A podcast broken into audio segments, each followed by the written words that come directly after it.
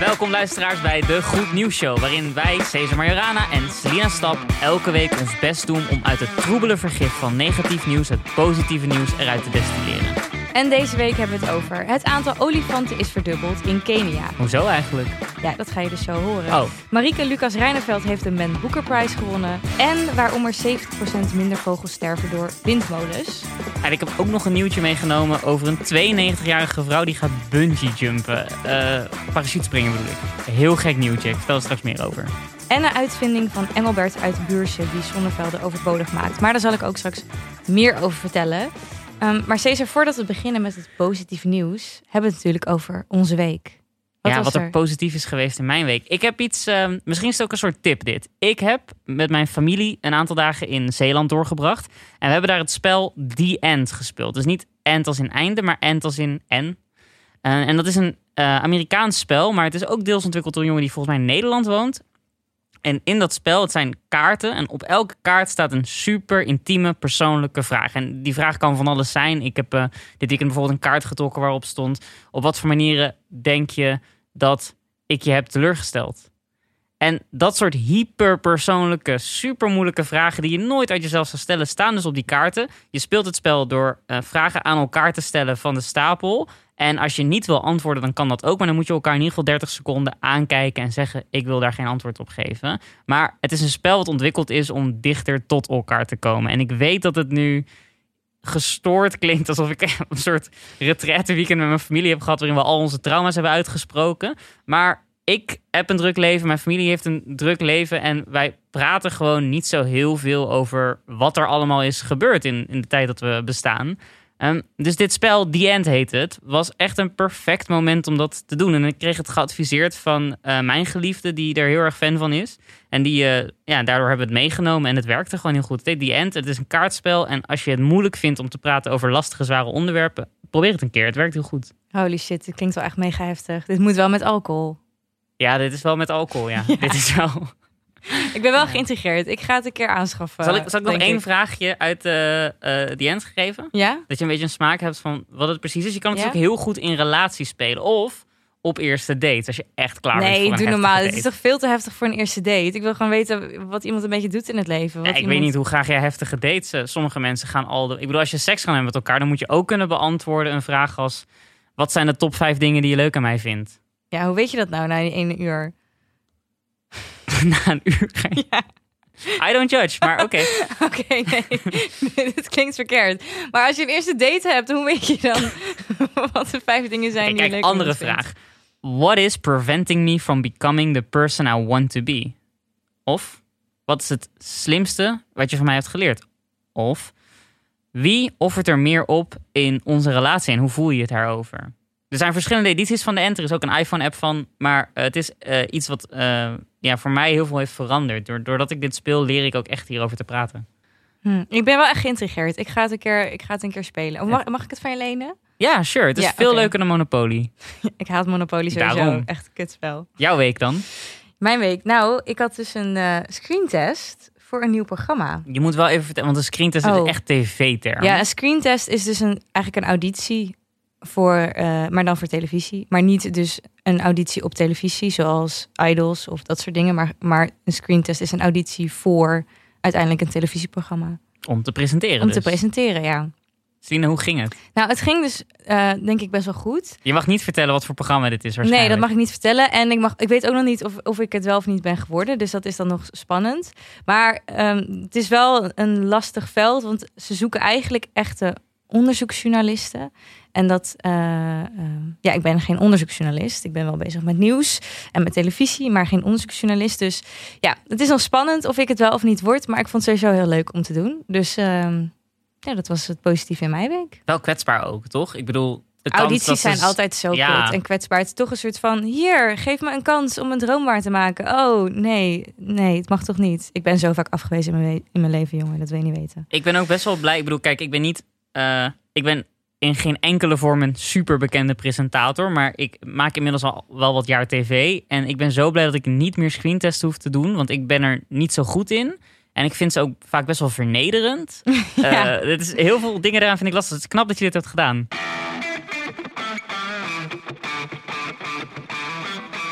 Dan nu, tijd om het echt te gaan hebben over het positieve nieuws. En we gaan in een sneltreinvaart door de headlines die deze week ons zijn opgevallen. Selina, begin jij. Nou, het eerste wat mij opviel is dat het aantal olifanten in Kenia in 30 jaar tijd ruim is verdubbeld. Hey, Ik had vorige week ook zo'n nieuwtje. Ja, het is, is het nu twee weken geleden? Ja. Nou ja, in ieder geval, jij hebt inderdaad ook al eerder zo'n nieuw, nieuwtje gehad over neushoorns uh, die minder werden gestroopt in Afrika. Maar dat kwam voornamelijk uh, door corona op dat uh -huh. moment. Dat was echt corona gerelateerd. Maar dit is echt een langdurig project wat ze in Kenia in 1989 hebben opgezet. Omdat er toen nog maar 16.000 uh, olifanten waren in Kenia. En nu zijn we 30 jaar later, in 2018. En nu zijn die 16.000 zijn opgeschaald naar 34.000. Wat natuurlijk een hele mooie, mooie groei is. En hoe dat eigenlijk is gekomen, dat, is dat Kenia heel erg heeft geïnvesteerd in de bestrijding van, uiteraard, stropers die het op slagtanden van olifanten hebben gemunt. En eigenlijk is het dus nog steeds zo dat het meeste ivoor, wat dus gestroopt wordt, uh, voornamelijk is voor Aziatische landen en voornamelijk voor traditionele medicijnen. Dus we moeten echt zorgen dat die Aziatische landen ophouden met die traditionele medicijnen. Dus het zal vast ergens in hun hoofd misschien uh, werken, maar het is echt uitzonderlijk slecht voor de olifanten en er hoeft echt totaal niemand, geen enkele olifant dood voor deze, voor deze medicijnen. Laten we daar gewoon mee stoppen. Ik, ik vind het wel makkelijk om dan vanuit ons westers- westerse perspectief te gaan zeggen...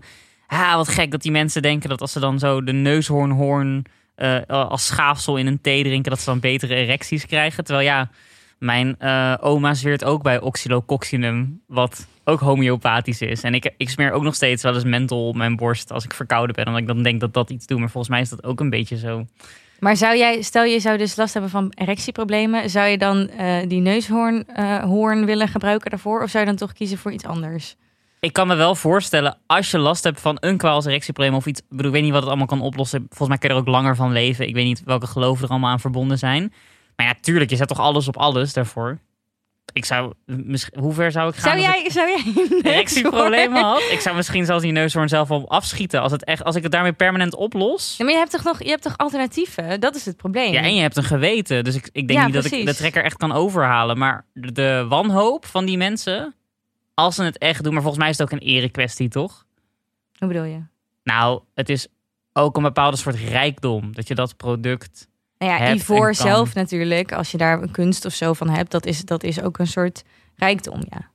Ja, Maar het is voornamelijk nog steeds die medicijnen. Dus als daar een shift in komt, dat dat niet meer zo, eh, op een- ja, zo wordt, serieus wordt genomen. ik, zou dat voor de, keer- voor de olifanten en de neushoorn, zou dat echt zeer goed nieuws zijn. ik wil toch wel een keer opzoeken.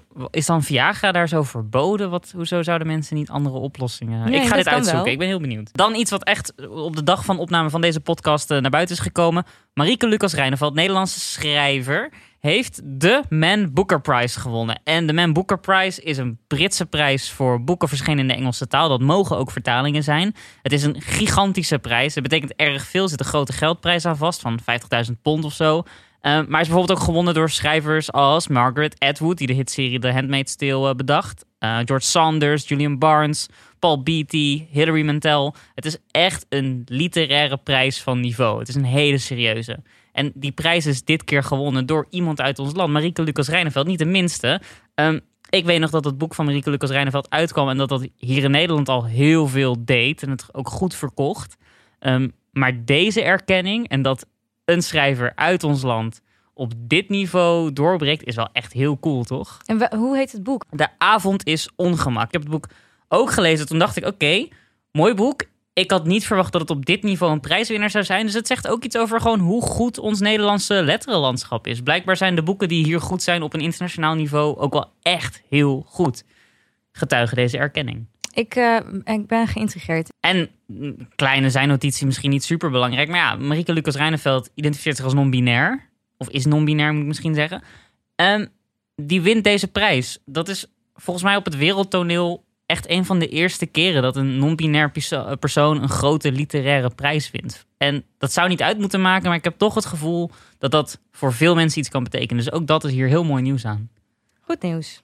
Dan vertelde jij me iets over ehm, vogels die minder overlijden door ja, wat, wat, wat doen ze Ja, het precies? heeft te maken dus met eh, windmolens. Want een van de problemen van windmolens, of in ieder geval een argument... en mensen hebben altijd weer argumenten over waarom windmolens vervelend zouden zijn. Want ze vinden ze niet mooi. Of, dit is dan een argument, ze vermoorden te veel vogels. En ja, dat klopt ook wel een beetje. Vogels vliegen door de turbine heen en die, ja, die gaan dood. Dat gebeurt, dat is naar. Maar er is goed nieuws, want in Noorwegen is er een eiland waar een onderzoek is geweest met 68 turbines. Allemaal van die hoge, ja, zoals je ze gewoon kent, windmolens, ook de Nederlandse variant. En wat ze hebben gedaan is, ze hebben daar een vleugel van, een van die propellers, die hebben ze zwart geverfd. En door dat te doen, is er een gigantische drop, een drop van 71,9% in vogelsterfte gekomen. En dit is een probleem wat al jaren aan de gang is, waar dus nu in Noorwegen een super simpele oplossing voor is gevonden. En dit is een probleem waar al heel lang heel veel oplossingen voor zijn aangedragen. Ik las bijvoorbeeld een artikel waarin een man eh, voorstelde om tijdelijk de windmolens uit te zetten als we wisten welke grote migratie van vogels zou gaan plaatsvinden in de komende dagen. En we konden ongeveer per windrichting bijhouden. Waar die, je hoort het al, een hele berekening. Maar als we dan konden berekenen of er een groep vogels zou kunnen aanvliegen, dan zou dan de windmolen uitgaan. Heel gedoe. En het is gewoon veel simpeler op te lossen, blijkt nu dankzij dit onderzoek in Noorwegen.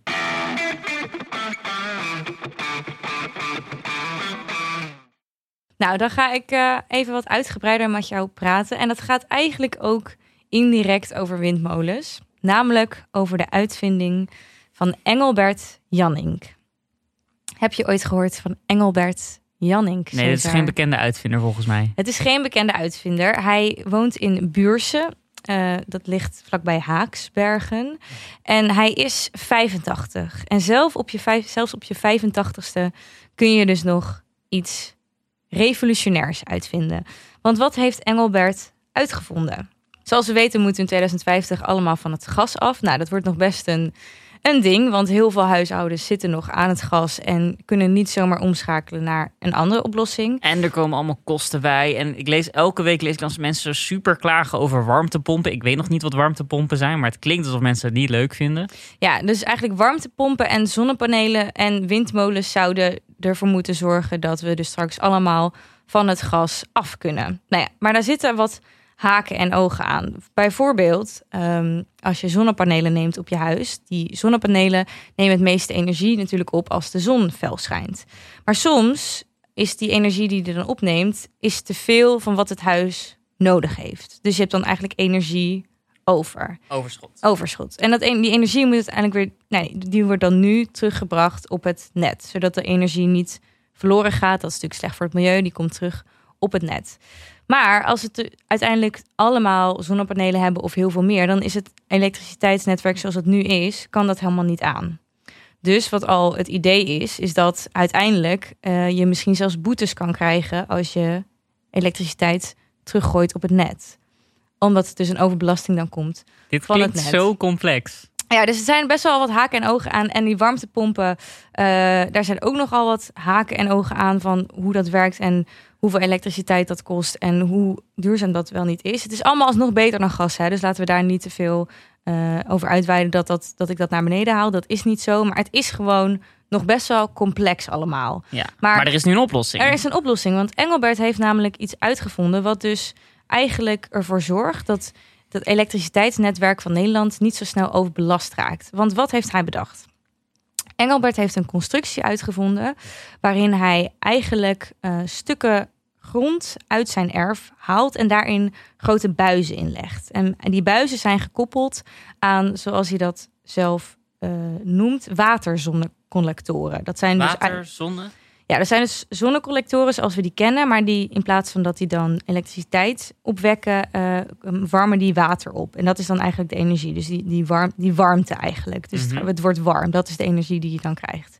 Ehm, en eigenlijk wat het dus is, is een soort van vloerverwarming die hij legt in de grond onder je huis. Daar wordt dan snap ik. daar wordt energie dan eh, opgeslagen. En die warmte komt dus dan van die waterzonnecollectoren in de vloerverwarming van je huis, in die buizen die hij dan legt. En eh, dat zorgt ervoor dat op het moment dat er piekmomenten zijn van, eh, nou ja, dus de warmte van de zon, dat het overige warmte of de over- overige energie niet terug hoefde naar het elektriciteitsnet, maar in de grond wordt afgevoerd. Dus dat de grond wordt opgewarmd. En uiteindelijk, ja, dat klinkt wel raar, maar de grond wordt dus dan warmer. En die warmte kan je dus met zijn techniek die hij heeft ontwikkeld, op een gegeven moment weer uit de grond halen en weer eh, als energie gebruiken. Oké, maar nu denk ik wel, de opwarming van aarde is toch letterlijk wat we willen tegengaan. Hoe is dit een oplossing? Hij maakt de aarde weer warm. Dat willen we niet. Nee, die buizen. Ja, die, ja, nee, maar de opwarming van de aarde is natuurlijk niet de opwarming van. Niet de opwarming van de grond, maar de opwarming van de aarde als planeet. Waardoor, waardoor de ozonlaag en zo ehm, afbreekt. Oké, is het nu al zo? Is deze man gecontacteerd door Tesla, door Nuon, door Unilever? Nee, wat raar is, want er zijn dus op deze manier die hij heeft ontwikkeld, ehm, verbruik je dus de helft minder elektriciteit. Ehm, en je hoeft geen rigoureuze ingrepen te maken op het elektriciteitsnet. Wat straks, als we dus allemaal op zonne-energie en windenergie en uh, waterpompen zouden werken, je dat wel zou moeten doen. Omdat het anders het net gewoon overbelast wordt. Nou ja, dat was mijn uh, goede nieuws. Dus ik, ik wil eigenlijk een, een ode brengen aan Engelbert en dat dit bekender wordt.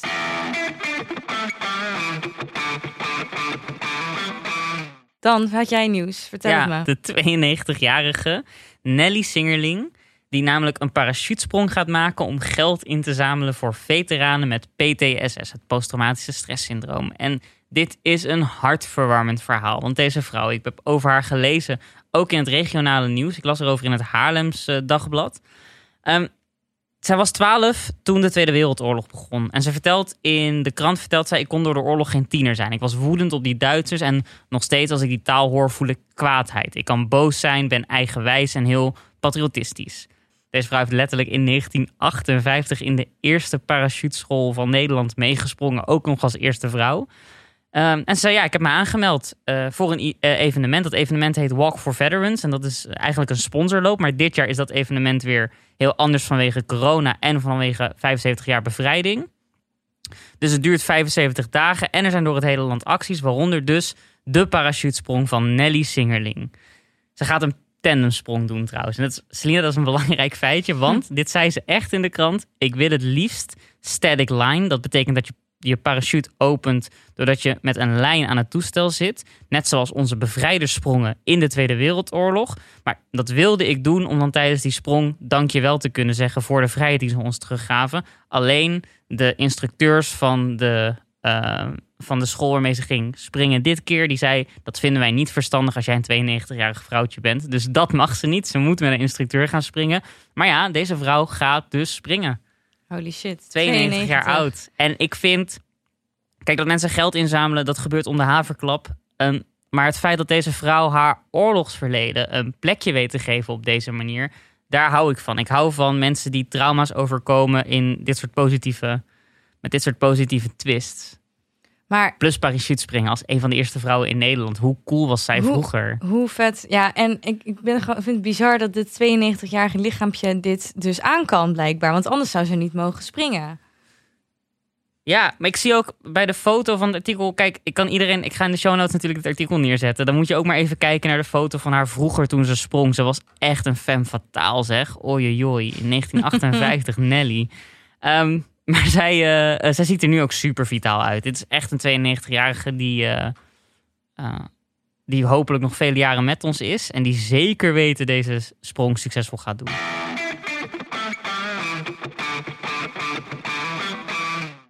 We zijn bij de rubriek, namelijk de rubriek. Maar wat doe jij dan? Want we hebben het de hele tijd over mensen die goede dingen doen in de wereld. Zoals Nelly, wat je net zo mooi zegt. Die op ja, 92 maar wat doen, jaar... wat doen wij dan? ja, wat doen wij nou? Ik heb nog niet uit de parachute gesprongen voor de veteranen. Ik ben verdomme 28. Dus wat kunnen wij nou doen om de wereld een beetje beter te maken? En deze keer uh, heb ik iets uh, gevonden waar ik graag aan wil bijdragen. Jij hopelijk ook. Dat is natuurlijk aan jou en ook de luisteraar. Um, ik kwam een uh, oproep tegen van het FNV. FNV is natuurlijk bekend als de grootste vakbond voor Nederland... die instaat voor de rechten van werknemers in allerlei plekken en bedrijven. En um, die hebben een nieuwe campagne opgestart. En die campagne heet de Fair Fashion Challenge. Challenge. En wat is de challenge? Het gaat erom dat we eigenlijk stilstaan bij hoe wij onze kleding kopen. En daarom is het FNV de Fair Fashion Challenge gestart om uh, uh, daarbij stil te staan. En ook omdat zij dus als vakbond staan voor een betere wereld voor werknemers overal op deze wereld. En die challenge is dus om één maand eerlijke kleding te kopen of minder kleding te kopen. En dat kan dus tweedehands of via merken die zich echt actief inzetten um, voor de verbetering van leefomstandigheden van mens en dier. Uh, je kan daar meer informatie zoeken op de website, maar uh, ik vond het zo'n goed punt dat ik uh, mee ga doen met die challenge. Maar voor mijzelf vind ik een maand eigenlijk best wel kort. Ik kan echt prima een maand zonder dat ik überhaupt iets koop. Dus dit is voor mij wel iets wat ik langer wil doorzetten. Of ieder gewoon eigenlijk altijd wil meenemen. Ik zie ook dat het FNV mondiaal zich wel echt inzet voor bijvoorbeeld een leefbaar loon voor mensen die onze kleding maken. En respect voor de rechten van werkende mensen om voor zichzelf op te komen. Plus een gelijke positie op de werkvloer voor vrouwen. Um, dus FNV doet gelukkig ook aan de andere kant heel veel. Ze doen um, eigenlijk, FNV doet alleen maar goed werk. Laten we dat voorop stellen. Ik ben ook heel erg pro die. Die, die zijn echt voor werknemers. Dus uh, zonder vakbonden dan hadden we als werknemers echt een stuk minder rechten gehad nu in, de, in de wereld. Cool, oké, okay, dus deze campagne is nu bezig. Die is nu bezig, dus kijk, als jij, jij bent altijd uh, zeer fashionable en altijd volgens de laatste, nee, niet eens van de laatste mode, je hebt gewoon zelf eigen stijl, wat natuurlijk heel tof is. Maar ik raad jou aan, of ik zou je willen vragen, om een maand eens hiermee bezig te zijn en kijken van waar jouw kleding nou precies vandaan komt van de merken die jij kiest of die je vet vindt en kijken wat dat je brengt. Ja, ik, ik doe het sowieso. Ik kan bijvoorbeeld nu van alles wat ik aan heb. Het is een beetje saai om te doen, maar ik kan bijvoorbeeld van alles wat ik nu aan heb, kan ik dus ook. Ik weet in welke fabriek het gemaakt wordt. Ik ben, ik, ik, hier moeten we een keer een uur over praten. Ik heb echt een vreemde obsessie. Oh, dat is wel echt sick. Dat is wel echt verder dan, dan ik. Uitzoeken. Ik ga ook, ook van, ik koop bijvoorbeeld wel eens. Ik heb dan wel, dit is een soort kwaad ding wat ik doe. Ik koop wel eens van een groot luxe merk iets. Ik vind sommige dingen in een Gucci collectie vind ik dan heel mooi. En je kan op de website van Gucci dan kijken per um, onderdeel van het modehuis, bijvoorbeeld de sieradenlijn, de tassenlijn, de riemenlijn, accessoires, kun je checken um, wat de condities zijn waarin het gemaakt wordt. Je ziet de adressen van de fabrieken waar wat gedaan wordt. Je ziet. Maar dat is toch super vet? Dat zou, er toch, dat zou er eigenlijk normaal moeten zijn? Ja, maar het is zoveel werk. Daarom, daarom, ik weet hoeveel werk het is. Omdat ik al dat werk altijd doe. Omdat ik het interessant vind. Maar ik weet ook dat het voor een normale consument niet vol te houden is. Nee, maar wat Gucci dus doet. Dus die adressen openbaar maken. En dat als jij dat zou willen, kan uitzoeken. Dat, dat bedoel ik. Ja, dat, dat is een vind stap. ik vet. Ja, zeker. Vet dat je dit gaat doen, een maand lang. Nou ja, ik, ik ga dit wel echt proberen om uh, voor te zetten in mijn... Uh, uh... Ik check het bij je. Ik ga het bij je checken. Ja, is goed. Wat echt kut is, want ik wilde nieuwe Nike's kopen. Maar ja, goed. Dan... En dat is voorlopig van de kaart, Dan moet ik dat even, even opzij zetten. Hey, we zijn aan het uh, einde van onze aflevering gekomen. We Dan is zijn het aan het tijd einde. voor de huishoudelijke mededeling. Maar die zijn eigenlijk super kort. Want we willen je vragen om een recensie achter te laten op iTunes voor onze podcast. Ik vind recensies zo leuk. Ik ben geobsedeerd erdoor geraakt. Of wil je ons steunen? Ga dan naar onze Vriend van de Show pagina. Uh, dat zei ik al eerder, maar die aflevering stond er nog helemaal niet op. Maar nu staan we er wel op. dus ja, nu kan je wel echt, echt naar onze Vriend van de Show pagina. En volg ons natuurlijk op Instagram, de Goed Nieuws Show. En je kan ons gewoon mailen of DM op Insta als je een leuk bericht hebt. Of als je ja, ons uh, iets wil vertellen. En we worden ook. al gemaild, hè, Selina? Ja, we hadden al een mail gehad. Dus uh, dat vinden we alleen maar leuk om te krijgen. Dus schroom niet om uh, iets naar ons te sturen. Ja. En dan was dit echt het einde. Dankjewel en tot volgende week.